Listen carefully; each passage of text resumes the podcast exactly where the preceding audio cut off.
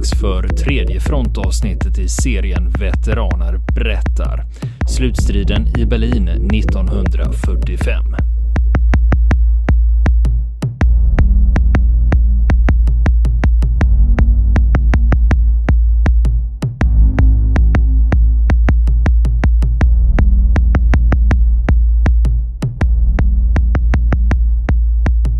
Och vi drar igång där vi slutade senast.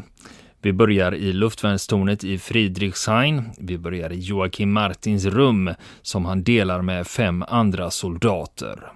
När man gick till fönstret, som du ser, du ser fortfarande stålluckor här va. Det var, var nog en 12 centimeter eller någonting, jag vet inte. nej, tjock. Det, men det var inget dåligt stål. Och de var så stora, ja, minst 80 de här luckorna.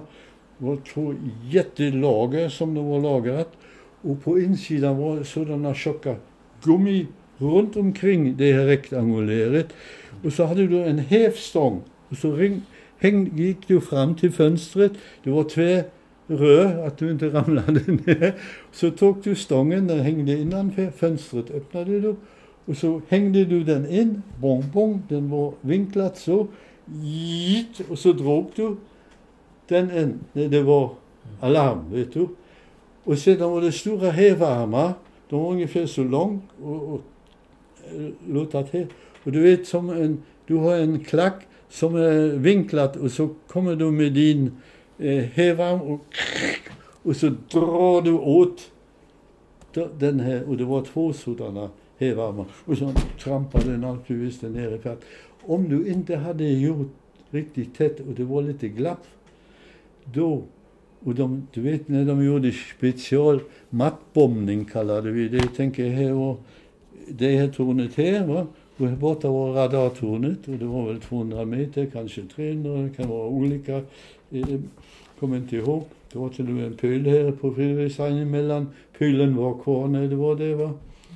Och eh, då, eh, eh ja, när de gjorde mattbombning, vet, det kom också säkert en två Mosquito som byggdes i De hos De i Coventry som tyskarna hade bombat. I Coventry fanns dessutom engelsmans största maskinfabrik. Jag var där också. Jag var också i flygplansfabriken Coventry efter kriget. Och eh, så därför kan jag berätta utan att ljuga, eller fantisera. Men det vad jag vill säga till dessa bunkrarna, de var alltså när, när de här bombade, säg det kommer två moskitor med sina Weihnachtsbäume. Det, här, det, var, det var alltså julgranar. julgranar så vi. De var små fallskärmar. Varje, de var, varje rad, eller kanske kunde vara en dubbelrad, fosforiserat. Och de gick väldigt, väldigt sakta. De hängde i luften. Och de var fullproppat med mätutrustningar. De kunde precis, de hade redan hemma vid skrivbordet bestämt, pojkarna nästa gång, eller de som ledde det, då bombarderar ni kanske varannan vecka någon gång de här jävla bunkrarna. Jag är övertygad, vi, vi sköt säkert minst 10 procent ner. För med dessa jävla dubbla kanoner här, som det var. Det här var en NP-bit, jag tror det hade de i början. Det var bara 10,5 centimeter. De gick också bara någonting på 10 kilometer upp. De här 12-8 de gick 14 000 kilometer, exakt. Så det var, det var Rheinmetall som byggde dem. Eh, och de, vet du, de, de blev så exakt styrda fast det var en människa emellan. Till exempel kunde jag sitta där. Du satt på en fjädrande stol. Varför fjädrande? När de bombade, du vet, det blir jag lite darrande. Du kunde ju också få en träff i närheten på platån.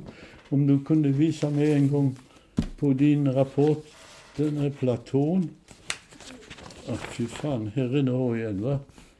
Ja, du ser, det är en jätteplatå här mellan de här det finns fina ritningar här inne, eh, skisser. Då förstår du det bättre. Jag tycker, ser du, här har du det. det som inte stämmer för min del, vi hade inte en skjuts utan vi hade den alldeles intill och vi gick i ett labyrint in. Så här kunde ju en bomb gå här emellan och då hade vi där inne också varit de flesta död. Du ser, här inne var en 10 meters kikare. Den mm. låg, avståndsmätare. En avståndsmätare. Den låg eh, eh, inte vertikal eller så eller så, utan det var vertikal. Du kunde vrida den och, och kunde vrida den så. Och flera kunde kika i den. Och de kunde då rapportera när flygplanen var nere och det var inte dimma eller någonting sånt. Väl, det var en liten grej. Men när en bomb gick alltså här in, vi använde den ju inte. Inte för de här grejerna, eftersom radaren var ja perfekt kan man ju säga. Va? Radaren, han tog dem emot redan kanske när de hade passerat den där holländska gränsen. Och radion hade man ju på, i varje rum hade vi ju radio. Då hörde man alltid musik, alltid bong, som kom äh, trafiknyheter kunde du höra. Eh, äh, 300 Bombenflugzeuge bombflugzeuge var så ofta också vilken typ det var, im Anflug auf die deutsche Grenze. De flyger först över Holland, va. Okej, okay, de fick kanske redan lite eld i Holland för sådana grejer hade de ju även längre ut. Och sedan, efter en stund, im Anflug auf Bremen, och egoist som han var, tyckte man, hoppas han lägger sina ägg i Bremen. Sedan im Anflug auf Hamburg, hoppas de lägger sina ägg i Hamburg sadist kan man säga, men det var du inte. Du vet, jag tänkte alltid bara på att överleva det här helvetet. Jag, jag har aldrig hunnit bli rätt i det värsta helvetet, för att jag var hela tiden koncentrerad. När det small, oh, vad slänger jag mig i nästa ögonblick för att inte göra något, för att jag hade träffat så många, upplevt så många, eh, många vill jag inte säga, men då och då, som blir desperat. Vet du. De tappar besinningen. De springer nästan rakt in i döden. Va? Alla har ju inte de nerverna tydligen som en del andra har. I alla fall, det gick den första bomben som träffade den här bunkern, där hade vi varit på flera mattbombningar, hade jag varit med om. Vet du, jag har berättat för dig, det blir ett hål, jag tror inte det var djupare än så, i betongen. Du vet, det står här två, en, en halv meters var taket. Jag är helt säkert, jag tog lite reda på att det var två eller två och en halv meter tjock. Det här taket, den är takplatta, den var överallt här. Du fick gå på utsidan, vi fick åka, vi, vi, vi bodde ju direkt våningen under här va. Vi kunde alltså gå direkt trappan upp här. I varje torn var det en vändeltrappa. Om man nu bodde här ute gick man vändeltrappa upp och, och det var korridorer. Så gick man hit ut och här fick du gå på utsidan, trappa upp, och Så gick du in i det och de som hade den kanonen där. Jag var på Anton, Anton, Berta, Cäsar, Dora, så hette eh, alltid i, i tyska flacken i alla fall. Så länge jag var där, de kanonerna, det var nog alltid så. så Anton, Berta, Cesar Dora. Och här du då, har du två uppgångar, en här och, och, och sen där. Och här gick dit och de gick dit. Och här var ungefär en 15 man. Som sagt, och i början hade de lite två centimeter sprutor här på den här, eh, vad kallar vi det på svenska? Det var en balkong runt omkring betong, vet du, väldigt stabil. Men den här delen, den var inte högre än så. Så man fick passa sig, inte springa vilt fram här, att man inte ramlar över bort. Varför? Jo, man skulle kunna skjuta mot neråt också, men det gick ändå inte mycket. Det blev flera hundra meter innan man nådde marken. Men på kyrktorn kunde man sluta när de här skarpskyttarna satte sig fast i tornen. Och det har jag eh, Ja, det har jag säkert talat om i den papperet som du vill ha. Som jag har tre eh, band som jag har berättat 90 minuter. Väl, jo, då gick alltså den första bomben här. Vi kommer ner. Och du vet, det var det första gången vi fick, det är också felaktiga bilder, de är ställda de bilderna. de killarna vid kanonen här någonstans, de har remmen kring stålhjälmen. Var absolut förbjuden. Vet du, det här lufttrycket, det var så starkt, den kunde lyfta upp hjälmen, det vill säga kunde rycka av dig, eller åtminstone skada din ryggrad totalt eller rycka av hela padrullen. Så vi hade alltid du ser överallt på de bilderna, de är ställda, då har de grejerna på när man springer fort. Det var yngre flackel för det här också. 15, 16 alltså när jag var det, då hade jag fyllt 16 i alla fall. Du vet, jag, du frågade mig eh, häromdagen, jag är född i oktober, så jag är snart 87. Så jag får försöka hålla mig i form att jag kan uppleva 87 också. Mm. Men alla bilder ser jag med en gång remma, så det, det är stilla bilder. Okej, okay, det kunde de ju göra. Du, och ljuset, det funkade ju alltid, vet du. När de någon gång träffade ett kabel i parken, tjocka kabel som levererade strömmen. Du, det tog inte tre minuter. Jag tror högst tre minuter. Då var det, blir det alla eh, servomotorerna för de här kanonerna, de eh, la av. Och om du hade vakt här nere, det hade man ju ibland, lamporna släcktes och folk var där. Ah! Det var ju 30 000 civilister också där inne, i de här gång, bara i gångarna. Och eh, då tog det, den sista lampan hade slocknat och hörde man. Det hörde du genom hela bunkern. Det var jättedieselmotorer, vet du, sådana kanske med 100-120 diameter eller kanske också 90 den stora skeppsdiesel, vet du, som huvudmaskineri. De alstrade lika mycket ström som gick åt. Det var ett jättemodern lasarett här nere naturligtvis också i, i G-tornet, alltså i geschützturm. Eh, och då, då började det vara servomotorerna när du satt vid det, började jolla upp igen. Och så fortsatte det. Så vi gick ju, när vi kom ner efteråt, vi, vi var ju först färdiga när de hade flugit iväg. Då gick vi ju genom gångarna som folk satt på sina, de hade oftast en själva en liten stol med eller stabil koffer eller vad de nu hade, olika personer och sina unga. Så vi pratade alltid med de här civilisterna. Bränner det mycket ute? Hur bränner det? Vet du, de kommer ju ofta i närheten där det ännu inte var eh, sönderbombat. Va? Men de kommer längre och längre ifrån. Du vet, när de hörde i radio im anflug, när de hade passerat Hamburg, då eh, hade de snabba ben upp och fick, vi släppte dem ju in, att vi visste hur mycket vi kunde släppa in. Men det kom alltid många för sent. Och då fick vi stänga när man hade vakt här nere, var vi var flera stycken, de här dubbeldörrarna. Det kunde alltså köra en bil in, även en lastbil in. Så stora var de här dörrarna. Och det var samma, kanske ännu tjockare, stålplattor. Och du kan tänka, ja, bussar kunde naturligtvis också köra en. De var både hög och bred. Bilarna var ju inte så stora som de är idag, de lastbilarna. Tre ton var redan mycket på den tiden. Väl, och då drog man dem igen, va? jag minns med två man, så nära man kunde. Och sen hade vi en dubbel T-balk. Ett T, vet du, är så. Ett dubbel T.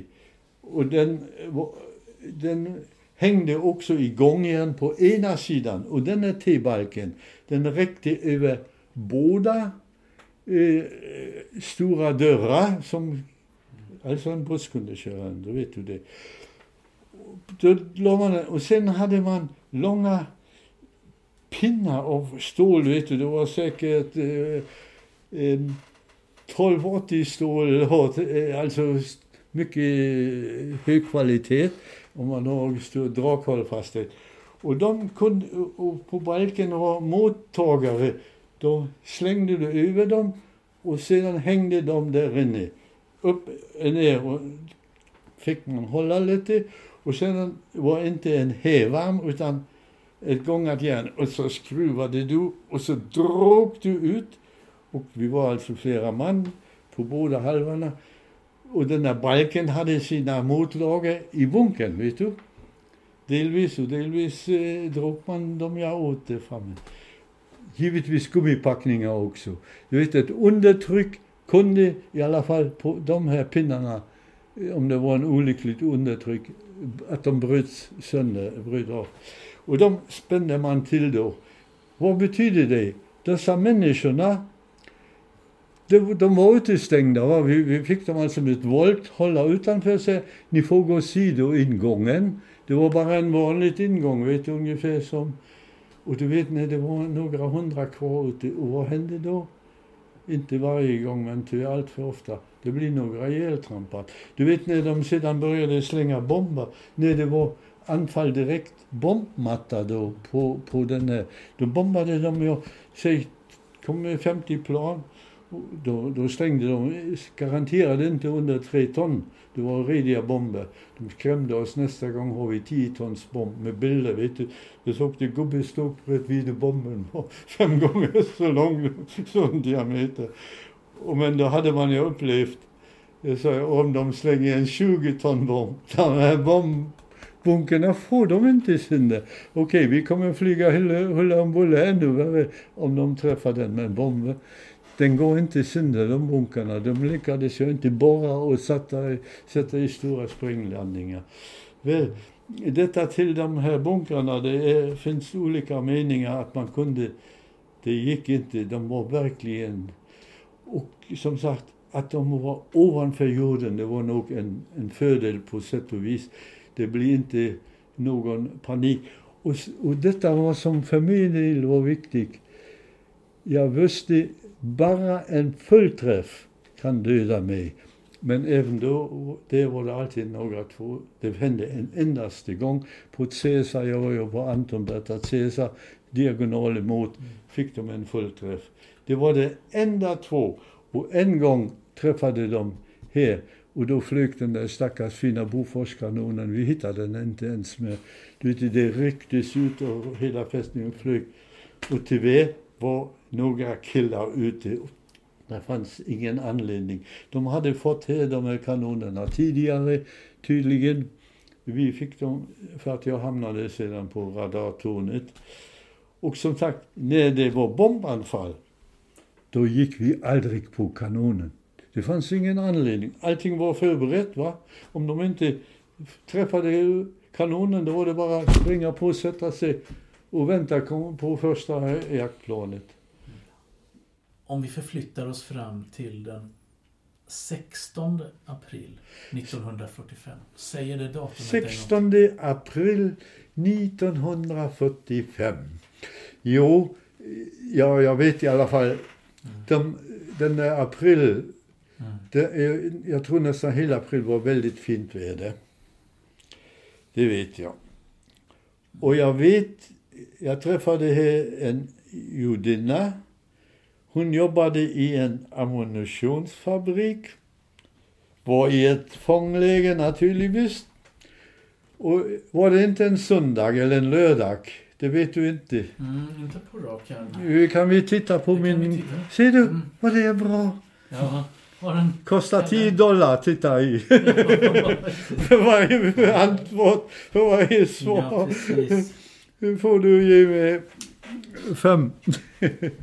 Den 16 Titta. april är mittwoch, en onsdag. Det var en onsdag, okej. Okay. Jo, den 16 april, det var ju då Röda armén inledde sin offensiv i Oder. Det sista anfallet mot Berlin.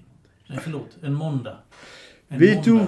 du, den 16, det var jag i alla fall ännu i trygga mm. bunkern. Ja. Och det kom ingen artilleri. För, bara för artilleri vill jag säga att det var så otäckt mm. när det första artilleribeskjutningen kom. Du vet, man var moraliskt så förberedd. Först i radio, radio, radio, radio. Sen kom alarmen på din egen grej. När du var på bio mitt emot. Då gick alarmklockorna också för oss. Då fick vi springa till bunken. Det var bara 200 meter. Väl, och då eh, var man helt trappvis förberedd. Mm, mm som jag sa, kanske de lägger sina ägg i Bremen. Kanske de lägger sina ägg i Hamburg. Flög de förbi. Fanns fortfarande en chans flyga ner mot Magdeburg eller, Halle, det som eh, till exempel um, eh, Junkersfabriken var. Men när de var på halva, när de gick förbi Hamburg, då kommer redan alla dessa flyktingar. Och det, det, såg vi ju, vi kunde titta ut genom, alla flyktingar, de, de, de civilisterna som ville in i bunkern. Va? Men den 16, det var det alltså fortfarande. Men sedan kom de, de hade ännu, alltså redan någon dag, jag, har jag inte skrivit upp, när, när de slutade bomba. Det var en viktig dag. här Var det du, den 16? Här har du en kalender som du skrev Ja, kalender. 1945, då en fickkalender. Och dagen efter Hitlers sista födelsedag, Ja, den 21 då kom april, artilleri över oss. den 21 april så skriver du att första striden mot, Artilleribeskyssung, Ja, första- ja, första artil, ryska artilleribeskjutningen Ja. Och första striden mot ryska attackflygplan. Kan Ja. du berätta lite om den dagen? ja, vet du, attackflygplan. De, de, det var egentligen spaningsplan. Och, och det, de vill naturligtvis, eh, exakt, de kom väldigt nära. Och de hade naturligtvis också en kulspruta lite grann. Men det var inte jämförbart med en Spitfire till exempel.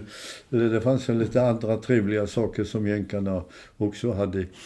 Eh, De var ju betydligt bättre bevapnade, var väldigt eh, mycket snabbare. De gick upp i nästan 600 kilometer i timmen. Det var ju inte så snabbt som Messerschmitt och åkte inte som de med 100-200, de här eh, eh, attack, de här strålflygplanen. Väl, men de här ryska planen, eh, eh, jag tyckte man måste ju skjuta på dem. Det kunde jag inte sitta där och tycka synd om dem. Vet du. Men man tyckte synd om dem. De var så lätt närskjutna. Va? De var så eh, tafatta och delvis var det saktare var de också. De var tvåmotoriga saktare. Vet du. Så hade de kanske, de kom på natten och slängde handbomber. Till exempel här. Jag fick en gång avbryta reparatur och min kanon eftersom jag hörde den. Vi kallar den symaskin. Jag kände exakt ljudet. På långt, aha, nu är han inte högst mer än 400-500 meter bort. Nu gäller det, jag fick ju springa runt hörnet, det fanns bara en ingång. Och man, de kom alltså väldigt nära, ganska lågt, och slängde sina små handbomber, vet du. Direkt, bom. De hade, de, jag vet inte, de hade lite fack, att de inte rullade dem omkring. Och ja, det var ju ofta tvåsigt. Gubben, eller också var det en, han sa jag tar dubbelt så mycket bomber, jag slänger dem själv. Det var så enkelt. Och de kallade vi det Nemaskini. Det lät som en symaskin. Va?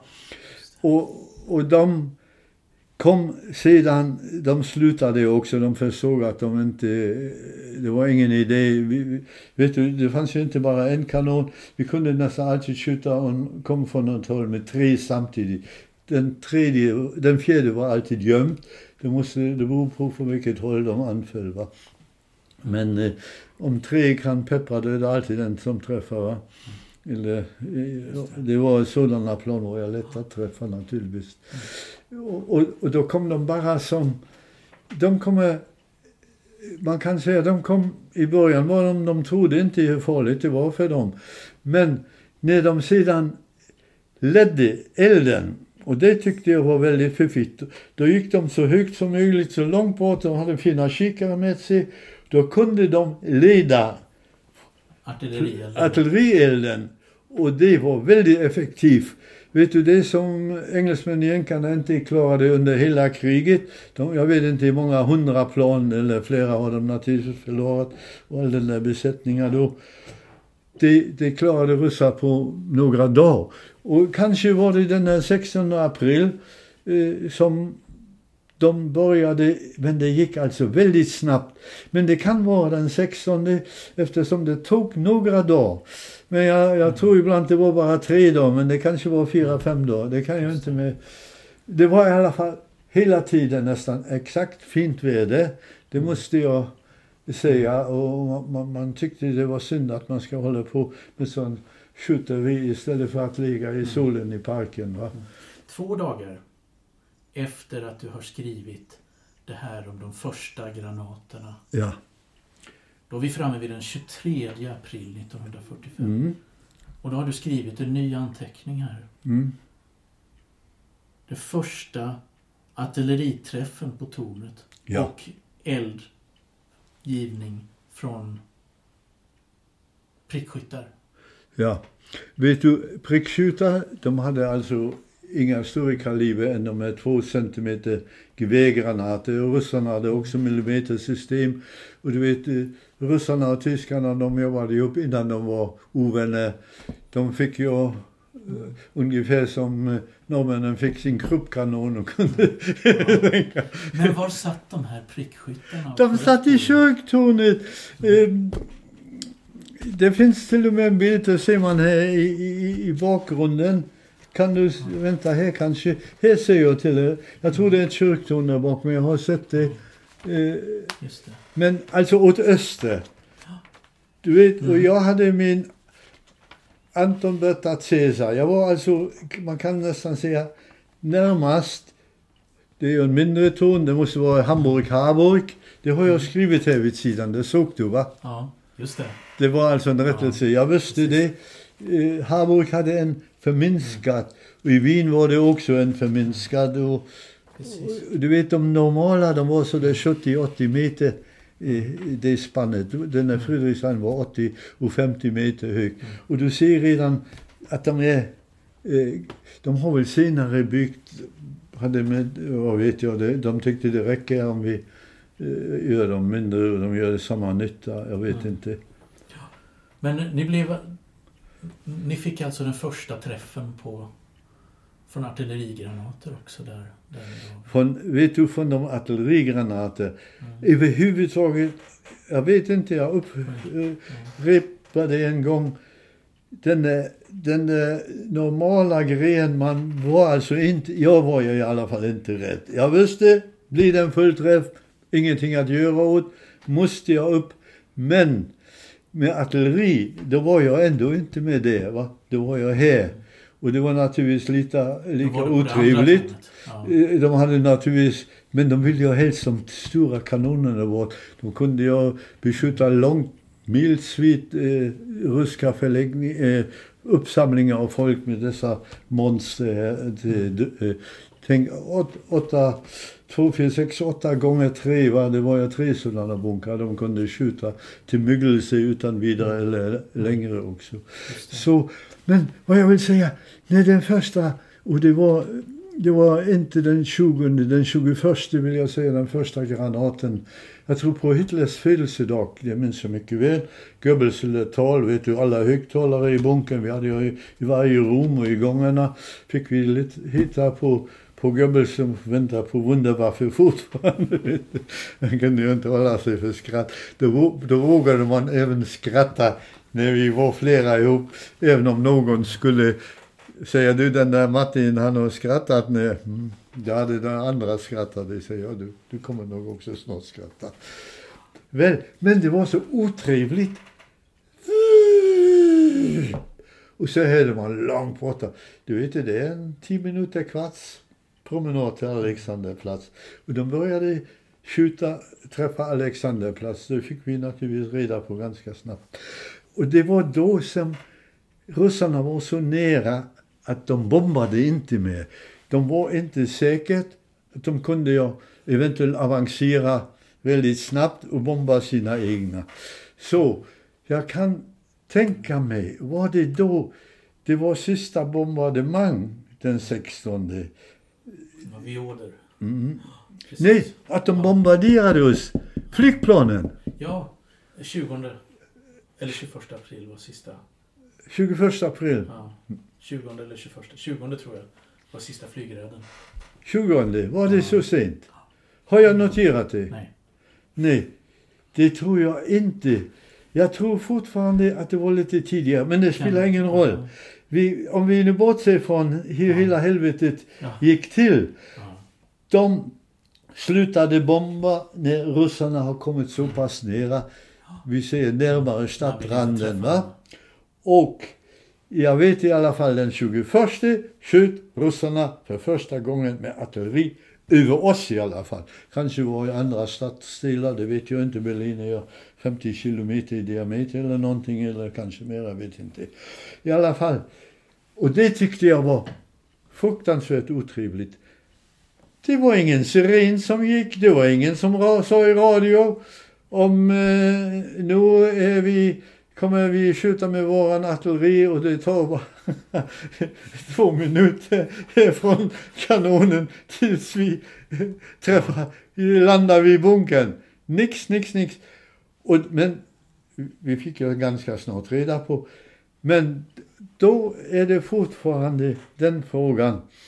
När exakt gick den första granaten, artillerigranaten och träffade. Och det tog, jag tror inte många dagar i alla fall. Och jag vet fortfarande, jag sa tidigare, tre, fyra dagar, högst fem dagar. Då hade de här jäkla symaskinerna på långt avstånd så högt som möjligt med kikare kunde leda de här artilleristerna en grad eller de kanske angav för ett annat mått, vad vet jag vad de hade i sin kikare för eh, indelning. De, och det gjorde de på några dagar. Ledde de att skjuta, du var jag huvudsakligen på den här bunken, men vi, vi, vi, vi var ju bara 200-300 meter väck, det kunde jag en, du vet, så några prickar, gör man jag inte. Men så på det viset, och det står också här någonstans, de gick ju, det var, det, då, då dog många. Då dog många. Inte genom bomberna. Det kostade engelsmännen och amerikanerna inte bara massvis med flygplan utan med folk. Va? Men de utbildade, de hade ju billiga flygplan. Va? De Mosquito ledde de ju. Det hade man en kompass antagligen. Att de hittade hem igen. Va? Jag tror inte det var med. De var inte påkostat vet du. Va? De visste ju att 15-20 procent kommer ändå inte hem. An, antingen det när skjuten hamnar i, i, i Sverige, då är de ändå skadade. Mm. Officiellt får de ju inte lämna då Sverige som är neutral. Och, eller de landar någonstans eh, bakom de här amerikanska linjerna som var väldigt nära Berlin. I, i Västtyskland eller i Holland. Va? Men eh, det var... Men den här artilleriledningen, den var nog väldigt effektiv Mm. från, från deras eh, sp- spaningsplan. Absolut. Och i nästa frontavsnitt av Veteraner berättar slutstriden i Berlin 1945 får vi höra om när luftvärnstornet utryms och gatustrider mot Röda armén tar vid. Vill ni komma i kontakt med oss så kan ni göra det via vår Facebook-sida som heter Fronten. Det är inga problem för er att leta er fram där. Eller också så mejlar ni på vår mejladress och det är frontenpodcast@gmail.com.